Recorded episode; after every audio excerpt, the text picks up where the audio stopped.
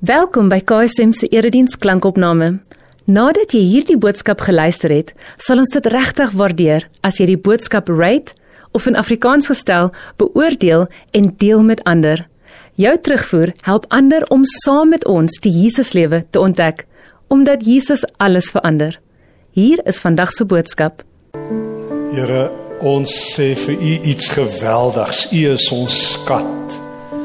U is ons hoogste, ons enigste waarde. Here, U is die skat in die saailand wat ons ontdek het en alles prysgegee het. U is die hemelse parel wat ewige waarde het. U is die blink môre ster. U is die leeu uit die stam van Juda en die geslagte lam.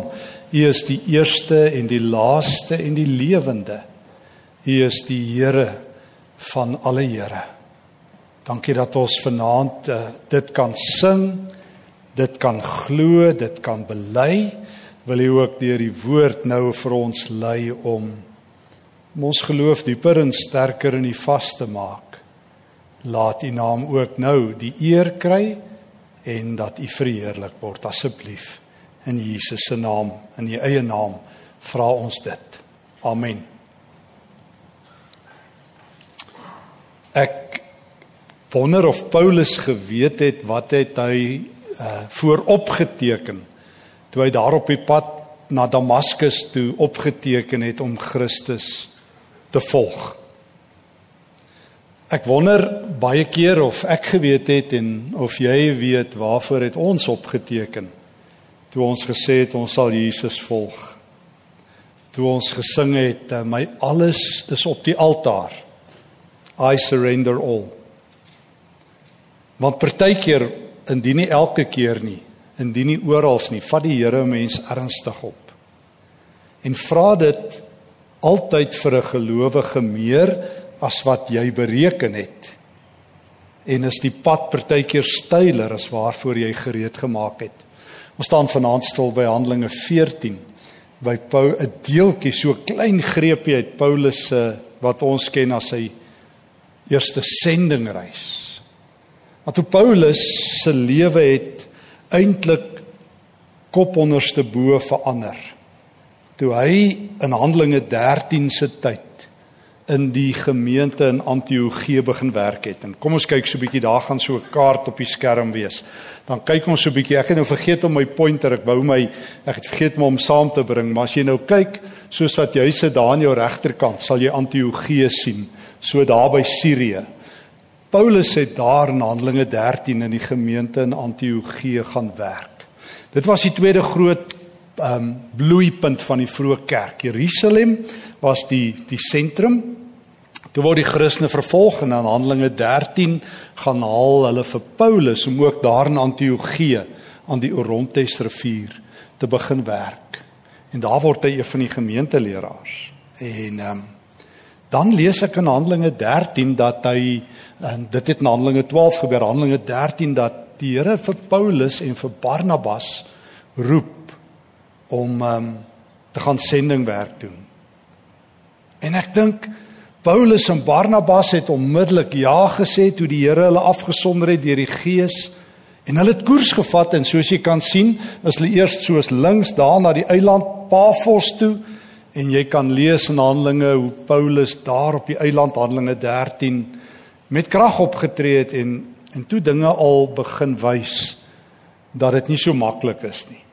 En van daar af het Paulus en Barnabas en hulle helper Markus koers gekies en daar in Perge het hulle by die vasteland aan wal gegaan. Soos wat Handelinge 13 ons vertel in huidige Turkye.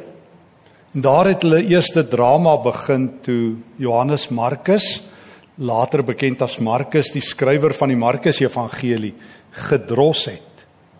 Ek onthou ek het eendag met 'n groep ouens daar in Perge gestaan toe sê ek hier het die Christendom 33% gekrimp in Turkye in een oomblik. Toe het hulle van 3 na 2 afgegaan toe Johannes Markus gevlug het en vir Paulus en Barnabas alleen gelaat het. Onmiddellik het Paulus hulle geweet Dis nie 'n grappie om te sê jy volg Jesus op sy terme nie. Dit's maklik om Jesus op jou terme te volg. Maar wanneer jy Jesus se kruis dra, Wanneer jy in Lukas 14 se taal die prys bereken het soos Jesus sê ons moet doen, jy moet vooraf besluit of jy kan sien om Jesus te volg en as jy ja sê, teken jy op vir die Jesus lewe. Paulus en Barnabas het vasgebyt en hulle is toe soos die pad wys na die volgende Antiochië toe. Daar was daar was drie stede daar in die omgewing wat die naam Antiochië gedra het. Antiochië in Pisidië En in Handelinge 14 lees ons hoe Paulus daar preek. Trouwens, Handelinge um, of 13 of 14 doen baie moeite, althans Handelinge 13 nog steeds, om vir ons groot detail te verduidelik hoe Paulus se preek daar lys, uh, preke eintlik daar uitsien. En dan draai dinge suid. Vir die eerste keer word Paulus hulle amper amper gevang. Hulle word vervolg. Daar kom opstand teen hierdie evangelie. Die evangelie sit nie so lekker aan mense se lyf nie. Die um, die evangelie wat deur die eeue in baie kerke so afgekoel is en so rustig gemaak is, soos wat ek altyd sê wat dat jy daardeur kan slaap, dat jy um, niks sal oorkom nie. Daai evangelie het Paulus nie geken nie. Hy preek in Antiochië en dinge loop suid en hy moet vlug. En dan gaan hulle so suidoos, gaan hulle na 'n plek toe met die naam Ikonium. En ehm um, jy gaan sien hulle ehm um, daar in Ikonium gebeur eintlik ehm um, niks anders nie as dat dieselfde moeilikheid Paulus inhaal en hulle preek en hulle moet weer vlug en ek wil aansluit vanaand saam met jou as hulle in Lystra aankom. Jy sien net so bietjie bietjie daar na die suide toe kom hulle in die stad Lystra. Nou as jy mooi kyk, Ehm um, kom ons lees net 'n stukkie van die teks. Ek het die teks ook op die skerm en dan kan ons sommer die teks saam lees van Handelinge 14. Ek lees uit Handelinge 14 saam met jou vanaf vers 8. In Lystra was daar 'n man wat nie op sy eie bene kon staan nie. Hy was verlam vandat hy gebore is. Dit is hoekom hy nie kon loop nie. Hierdie man het Paulus hoor praat. Toe kyk Paulus stip na hom. Hy het gesien die man glo hy kan genees word. Toe sê Paulus hardop: "Staan regop, staan op jou eie voete." Dadelik het hy regop gespring en begin rondstap. Toe die skare sien wat Paulus gedoen het, het hulle hart in hulle eie taal, dit is Likahonies, uitgeroep. Die gode het menslike vorms aangeneem. Hulle het afgekom hier na ons toe. Hulle het Barnabas, dis nou Paulus se helper Zeus genoem, die hoof van die Romeinse gode en vir Paulus Hermes omdat hy al die praatwerk gedoen het as boodskapper van die gode. Die priester van die tempel van Zeus wat by die stad se ingang was, het dadelik soontoe gekom. Hy het bulle en blommekranse gebring na die hekke van die stad. Hy wou 'n offer bring saam met al die mense. Barnabas en Paulus wat die Here se gestuurdes is, het dit gehoor Hulle het hulle klere geskeur omdat hulle ontsteld was oor hierdie godslastering. Hulle het na die skare toe gehardloop en hard geskree: "Mense, hoekom vang julle sulke dinge aan? Ons is mense met doodgewone begeertes net soos julle. Ons is besig om die goeie nuus te deel met julle. Ons preek vir julle om hierdie nuttelose afgode te laat staan. Bekeer julle tot die lewende God. Dit is hy wat die hemel en die aarde gemaak het en alles wat daarin is." God het al die nasies se vorige geslagte toegelaat om hulle eie gang te gaan. Nogtans het hy homself nie eenkant gehou nie. God het bewys dat hy goed is deur goeie dinge te doen, soos om reën uit die hemel te gee. Um ook het hy baie vrugbare seisoene gegee waar hy julle harte en julle lewens vol gemaak het met goeie kos en vreugde. Selfs nadat Barnabas en Paulus hierdie dinge gesê het, het hulle dit met 'n groot gesukkel reg gekry dat die skare nie 'n offer aan hulle moet bring nie. Toe kom daai Jode uit Antiochië in Ikonium aan. Hulle het die skare opgesteek. Toe het hulle Paulus met klippe gegooi. Nadat hulle hom gestenig het, het hulle hom buite die stad gesleep. Hulle het gedink hy's dood. Maar die volgelinge van Jesus het rondom hom kom staan. Paulus het regop gekom en teruggestap tot in die stad. Die volgende dag het Paulus saam met Barnabas na Derbe vertrek. Um wat 'n ongelooflike verhaal. Paulus, die man van die Here en Barnabas kom in Ikonium aan en die volgende oomblik word hulle as die gode uitgeken. Hoekom? Nou wil ek gou vir jou 'n storie vertel. Hoekom het Paulus en Barnabas, hoekom is hulle onmiddellik as Zeus en Hermes verstaan? Zeus was die hoofgod van die Grieks-Romeinse gode ook bekend as Jupiter. En Hermes was die boodskapper. Hy was die ou wat sulke vlekkies aan sy voete gehad het en so snaakse hoetjie partykeer gedra het. En daar in die omgewing, onthou julle toe ons daai kaart gekyk het heel aan die begin, was daar so aan die linkerkant 'n provinsie met die naam Frigië. En daar in Frigië het daar 'n mite rondgegaan wat deur 'n baie beroemde Romeinse skrywer geskryf is, Ovidius. En Ovidius het 'n storie vertel, 'n mite in sy boek wat al die Romeine geken het, Metamorphoses, van die god Zeus en Hermes wat een keer daar in die Romeinse provinsie Frigië wat paar kilometer van daar waar Paulus is, kom kuier het. En ek het sommer die storie so uit uh, Ovidius se uh, se boek vir my afgedruk. Um, maar ek wil nou nie alles in in Engels lees nie. Dis 'n langerige storie. Maar hulle toe kom kuier by 'n 1000 huise. Zeus en Hermes het hulle self vermom met die twee gode en hulle het gekyk of mense gode sal ontvang as die gode vermom opdaag. En by 'n 1000 huise is hulle weggejaag. Niemand wou hulle ontvang nie. Toe kom hulle by 'n ou egpaar, 'n man en 'n vrou met die naam Baukus en Philemon. Baukus die vrou en Philemon die man. Hulle was oud en baie baie arm. En toe ehm um, Hermes en Zeus daar aankom vermom, het Baukus hulle in die huis hulle ingenooi. En ehm um, ek lees sommer so 'n stukkie dat hulle was baie baie arm. En uh, hulle het ook nie slawe gehad nie, sien ek in die teks. Maar ek lees dat Philemon, die vrou, she raked aside the warm ashes on the earth and fanned yesterday's coals to life. Then she took from the roof some fine split wood. Sy het sommer van die dak, van die hout uit die dak uitgehaal en uh daarmee 'n groot vuur gemaak. Uh meanwhile um en toe het hulle vir hulle lekker kos gemaak en toe sien Baukus en Philemon daar gebeur 'n snaakse ding. They saw that the mixing bowl as often as it was drained kept filling up on its own accord. Soos wat hulle kos uitskep, het dit net gebly vol word. The two old people saw this strange sight with amazement and fear. And with upturned hands, they both uttered a prayer, Baucus and the trembling old Philemon. And they craved indulgence for their poor food and meager entertainment. En hulle voel toe so sleg want hulle besef is twee gode wat vir hulle kom kuier. En onmiddellik gaan hulle en hulle sê hulle gaan hulle beste gaan slag. En toe hulle die gaan so in die nek indra, spring die gaans op Zeus se skoot om kom soek beskerming by die hoofgod en toe sê Zeus goed jy hoef nie die gaans dood te maak nie. Maar toe sê Zeus hulle gaan wraak neem en al daai mense in Frigië doodmaak want die gode vat dit nie as jy moet hulle mors nie. Hulle gaan vuur uit die uit hulle hemel uit afgooi, maar hulle gaan vir Baukus en Philemon spaar.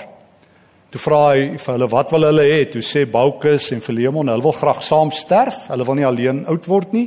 Toe sê julle kan nou van nou af gaan ek julle red en julle twee gaan dan nou um, priesters wees in die tempel van Zeus.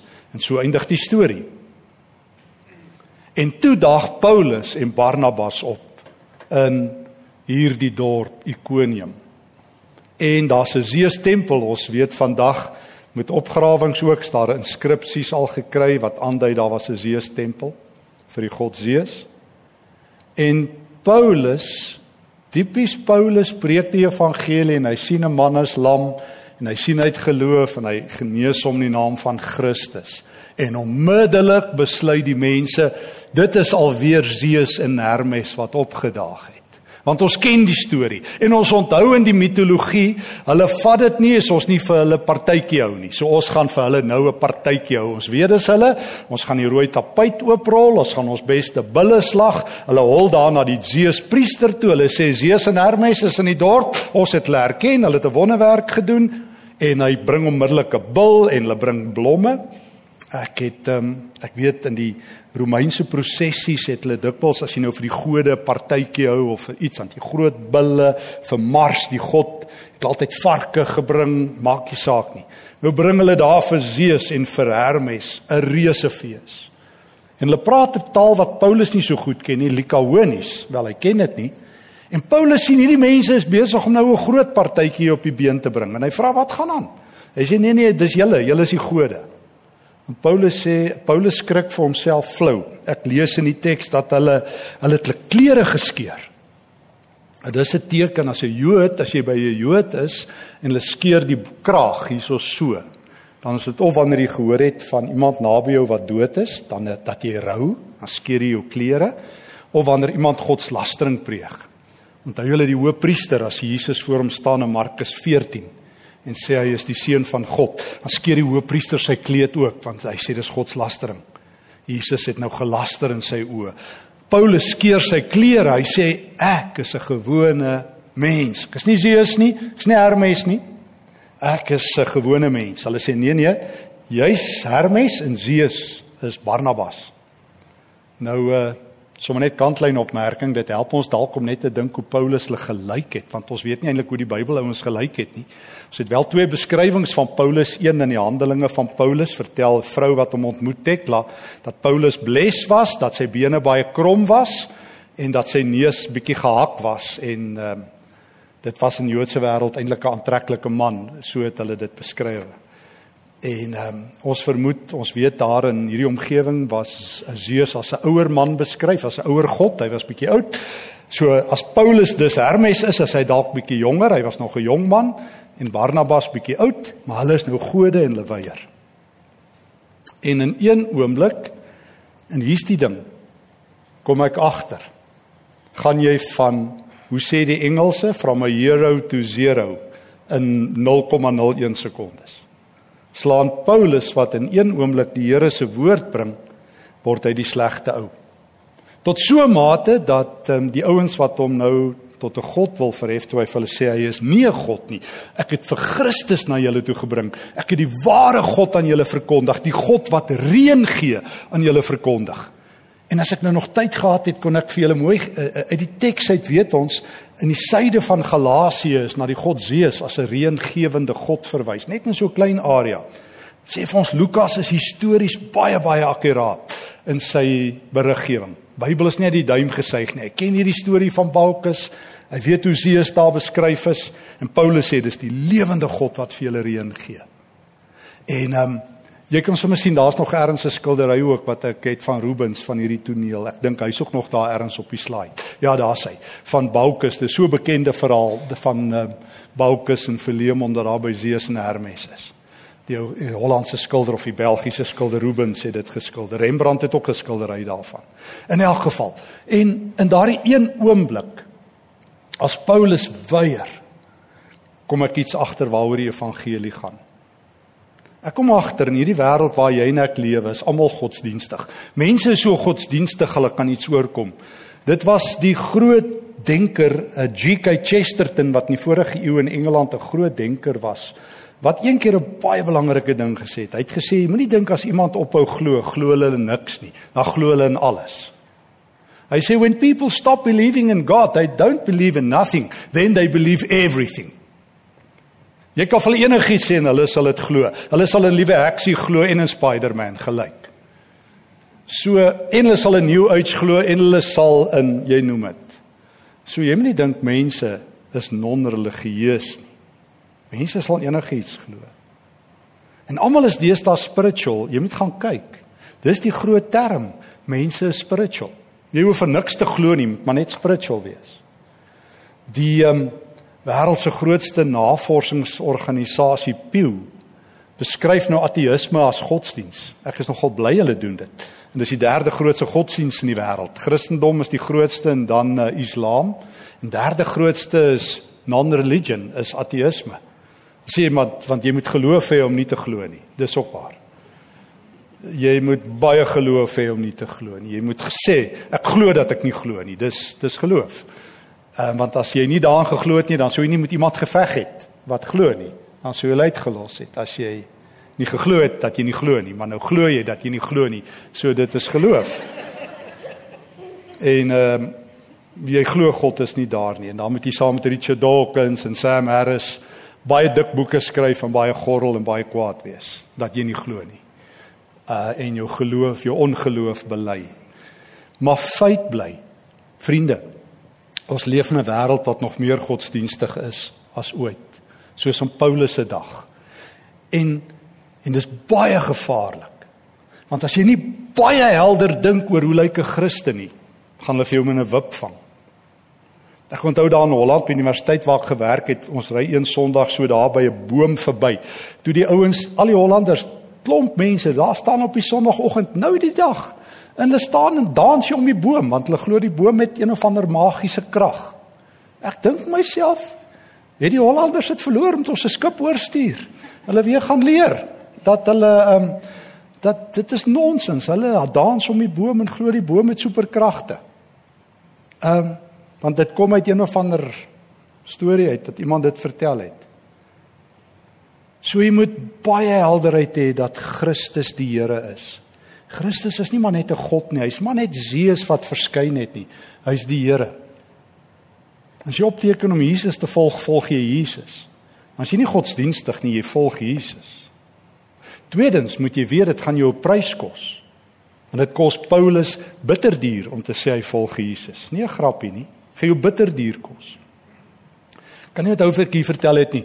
My Amerikaanse vriend Len Sweet vertel nou die dag vir my van een van sy studente wat by die universiteit wat hom kon vertel sy stap by 'n ander professor in daar in New York en uh, sy het 'n kruis om haar nek en die professor stop haar by die klasse deur en hy sê for that symbol around your neck daai kruis uh, hy sê is it an ornament or is it a religious symbol sy sê it's a religious symbol I say then you're not welcome in my class. If you wear it as an ornament, you can come in. As jy die kruis dra net omdat jy dink is cool, dan kan jy inkom. As jy dit jy 'n Christen is, is jy nie welkom nie. Dis offensive, sê hy.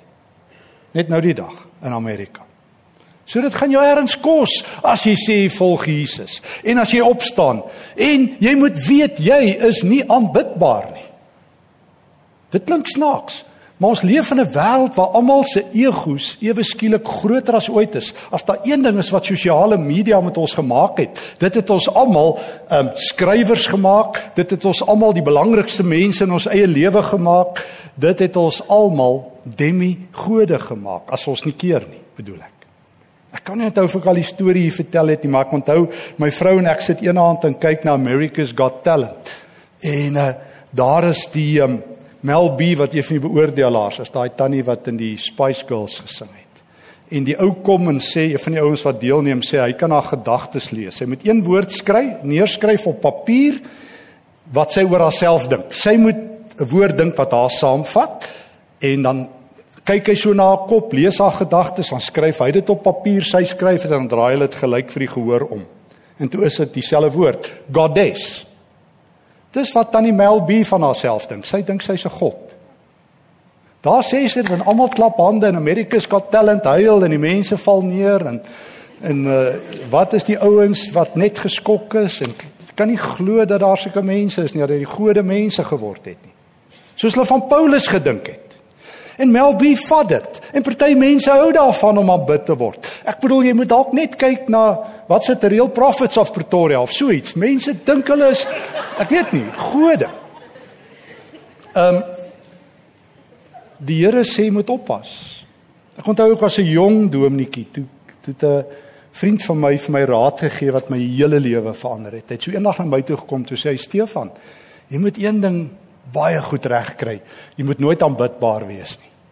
Jy moet nooit laat mense jou laat voel jy's belangriker as dat jy 'n dienskneg van Jesus is nie.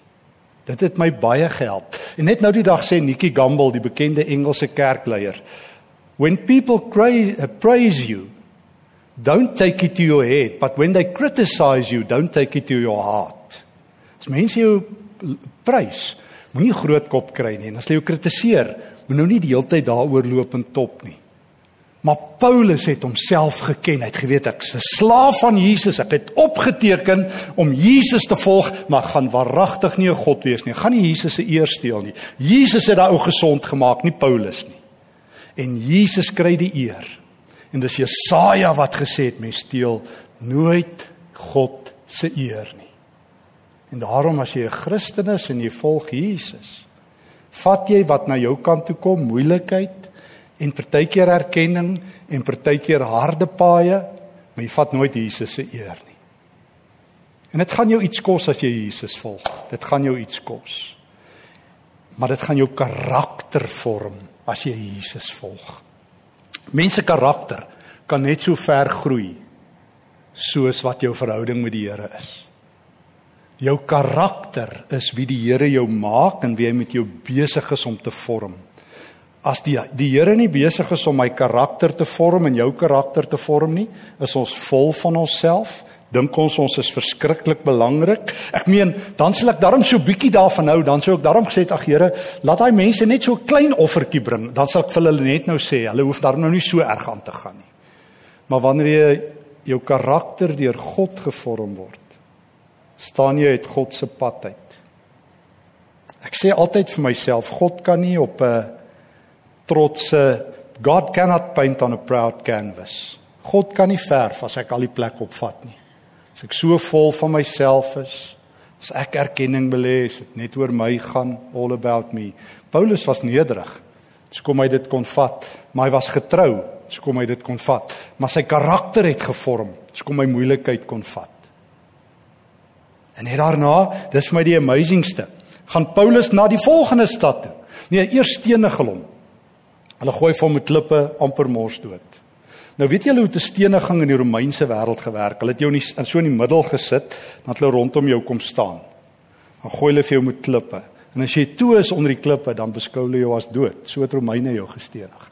So ons weet een ding, hulle het Paulus mooi toegemaak onder klippe, toe dink hulle dis nou maar sy graf. Daar's hy. So kom ons gooi die man toe met klippe, dan moet hy mos dood wees. En verseker het die Christene gekom en daai klippe weggevat. En hulle Paulus opgetel. En weet julle wat doen Paulus? Toe sê hy manne nou met ons hardloop. Ek is nou klaar, teken nou uit. Ek is nou nie meer 'n Christen nie. Ek het nie hiervoor opgeteken nie. Nee, weet julle wat doen Paulus? Hy gaan in die stad in en die volgende dag gaan hy Derbe toe, het sy wonde verbind. En weet julle wat doen Paulus? Hy sit nie langs die veld soos baie rugby spelers deesdae en sê ek bloei nou vir 10 minute nie of ek moet 'n waterbreek vat nie. Weet jy waar gerakbe nie? Die arme mense moet nou tot rus vir water. En Paulus vat nie 'n waterbreek of sê Here time out of ek het nie hiervoor opgeteken of Here ek's nou 'n bietjie uitgebrand nie. Ek is nou 'n bietjie moeg nie. Paulus sê Here ek is in. Ek is op 'n oorlogskip. Ons gaan veg. Here, ek het 6 ratte en hulle is almal vorentoe. Ek het nie 'n reverse nie. Ek is nie gebou om terug te val nie. Ek is bedoel om nuwe grond vir u te vat. Toe sy derbe toe vers 21. En jy sal nie glo nie. Ek lees, hoor net wat gebeur. Ek het dit nou, ek kan nie onthou, het ons die teks daar. Ja, daar sê. Ehm um, kom ons lees hom. Hulle het die goeie nuus in derbe bekend gemaak. Hulle het baie disippels gemaak vir Jesus. Paulus se lyf is voddig geslaan. Hulle het hom in toegegooi in 'n graf en hier staan hy stikkende Paulus met sulke oë en sy hande is gebreek en hy preek Jesus laat dit laat mense sê ek wil ook in daai Here glo. Hierdie ou is nie 'n god nie, hy's 'n verkondiger van die ware God. En baie mense tot bekering gekom en toe het hulle teruggekeer na Lystra, Ikonium en Antiochië. En ek sou vir Paulus gesê don't go back. Dis soos baie ouens nou eendag sien iemand vir my daar skryf hulle vir my daai oor see. Kan ons in Suid-Afrika kom kuier? Ek sê o, julle, dis gevaarlik hier. Die mense in die buiteland tog het julle gesê nie. Ons maak dit net net ons lewe nie. Ehm um, Paulus stap terug. Hy stap terug en hy gaan versterk die gelowiges. Hy wat so swak is, hy wat stikkend gegooi is. Ons het nou-nou gesing, het julle gesien dat your grace is enough. Dis Paulus, Romeine 2 Korintiërs 12. U genade is vir my genoeg, vers 8. Hy stap terug en hy ouens sê, "Hoe wat maak jy hier? Lig af jou weer gooi." Paulus sê, "Kan ek julle geloof opbou? Kan ek julle bietjie sterk maak?" Hulle sê, "Jo, kyk hoe lyk jy." Hy sê, "Ek is hier om julle bietjie op te bou." Terug in Lystra, Ikonium. Hy het al die volgelinge van Jesus se harte gaan versterk. Hulle het hulle aangemoedig om sterk te staan en te volhard in hulle geloof. Hulle het vir gelowiges gesê dat lyding op hulle wag. Ons moet dit vat. om in te gaan in die koninkryk van God. Dis die geloof waarvan ek deel wil wees. Ek wil so 'n bietjie sterker wees vir die Here. Ek wil 'n bietjie minder breekbaar wees vir die Here. En dis nie 'n goeie preek vir hierdie tyd van die jaar nie, want almal is mos nou moeg. Dis mos nou daai tyd van die jaar as jy vir mense sê, almal vra, "Waar gaan jy heen?" asof jy net moet weggaan uit buite Pretoria. Iemand vra ook my laasweek, "Waar gaan ek heen?" Ek sê huis toe. So ek dis dit. Maar maar dis reg ook 'n bietjie vakansie vat, maar dit lyk vir my daar's ergens 'n kontrak ook daar by die die reël mense van Pretoria dat jy sal moeg wees Desember en uitgebrand wees en klaar wees en oor die muur wees. En geloof sal ehm um, nee sê Paulus, as jy 'n Christen is, dan vat jy teenstand. Dan vat jy goeie tye en moeilike tye. Jy preek die evangelie wat ook al die prys kos. Wil afsluit. Ek weet nie wat die evangelie jou kos nie. Ek weet nie wat se prys jy al betaal het nie. Dalk betaal jy dit tans. Dalk um, het jy 'n vriend verloor. Dalk het jy 'n familie verloor. Dalk is jy selfs by jou werk in die moeilikheid omdat jy 'n Christen is. Maar die feit bly, as jy Jesus volg op sy terme, sal moeilikheid iewers jou inhaal. Ek sê altyd vir myself, ek hoef nie moeilikheid te soek nie, dit sal my soek. Moeilikheid het my naam en adres. Maar as ek vir Jesus leef, sal iets gebeur, maar ek weet een ding, die Here sal my sterk maak, want Jesus het beloof ek is by jou al die dae. En daarom kan Paulus selfs al lê hy in die, sy eie bloed en worstel, ander mense opbou en vir ander mense iets beteken en gou terugkom op die veld. Want Paulus weet hy is op die Here se speelveld. So wat oor ons vanaand? Jy moet karakter hê. Moenie hoogmoedig wees nie. Moenie vol van jouself wees jy geen nou dink jy's 'n god en dan kan die Here niks met jou doen nie. Want hy deel nie sy lewe met hooghartige mense nie. Hy kan met nederige mense iets doen wat nie vol van hulle self is nie. Tweedens, byt vas. Laat jou karakter groei as dit moeilik is. As jy sê dis moeilik in Suid-Afrika, goeie plek om jou karakter te laat groei, om jou oog op die Here te hou. Derdens, wees 'n bietjie taffer. Wees 'n bietjie sterker. Paulus het teruggestap. Hy het daai selfde mense weer gaan dien. Hy het geweet sy lewe is in die Here se hande. In 'n sekere sin is 'n Christen onsterflik totdat die Here jou huis toe roep. Jy's in die Here se hande. Jy is syne. En en Paulus sê ook, ouens, ons moet vasbyt. Ons moet sterk staan. Ja natuurlik is dit nie maklik om 'n Christen te wees nie. Sjoe, maar hy wat sterker is is by ons. En daarom het Paulus die ouens aangemoedig en die kerk het gegroei. Nou sluit ek af. Dis een van die kerkvaders gewees wat gesê het die swaar kry, swaar kry is die beste groeigrond vir die kerk. As jy kerk wil sien groei, laat hulle bietjie swaar kry. As jy wil sien Christene staan sterk, vat hulle bietjie aan. Dreig hulle bietjie. Spot 'n bietjie met God. En ouens wat die Here Jesus ken, sal opstaan en sterk staan en lewe. Soos die ou groot kerkvader Papias toe hom wou verbrand. Sê hom verloon die Here toe hy 86 jaar oud is en ons sal jou red. Toe sê hy vir 86 jaar het ek Jesus gevolg. Vir 86 jaar het ek elke dag opgestaan en gesê hy is my Here. Vir 86 jaar was ek getrou. Wat dink julle van my dat ek nou my Here sal verloon? Vir 'n stukkie lewe, vir 'n stukkie lewe. Ek is Jesus se. Hy is my lewe. Mag jy vanaand belewe dat in hierdie wêreld waar Zeus en Hermes en baie gode is, Christus die Here is. Mag hy jou karakter vorm, mag hy jou laat groei oor die Here se woord. Amen. Dankie Here dat U ons karakter vorm. Dankie Here dat ons in hierdie wêreld wat net soos Ikonium lyk waar Zeus en Hermes en soveel ander gode is, vandag se internetgode en wie weet wat se gode. Leer ons Here Jesus om getrou te bly aan U. As jy iemand is vanaand wat moedeloos is, tel hulle op. As jy iemand in die kerkgebou sit wat nie weet hoe vorentoe nie, maak hulle sterk. As jy vir Paulus wat so swak is kon optel, dan kan jy ons almal optel in Pretoria. Gee dat ons in hierdie vakansietyd of in hierdie tyd wat voorlê sal volhard dat ons karakter meer as ooit sal groei dat enige krisis wat ons het groei grond sal wees. Dat ons sal leer Here al gooi hulle ons met klippe al stene gelons dat ons nie sal stil bly nie. Dat ons kragtige getuies sal wees. Maak ons kerk weer sterk, Here, soos soos die kerk wat Paulus geplant het. Leer ons, Here, om te volhard totdat U ons kom haal in Jesus se naam. Amen. Indien hierdie boodskap vir jou betekenisvol was, oorweeg dit om in te teken vir ons nuusbrief, waarin ons weekliks hulpbronne en opkomende gebeure by KSM deel, sodat ons saam die Jesuslewe kan ontdek. Besoek ksm.co.za en word deel.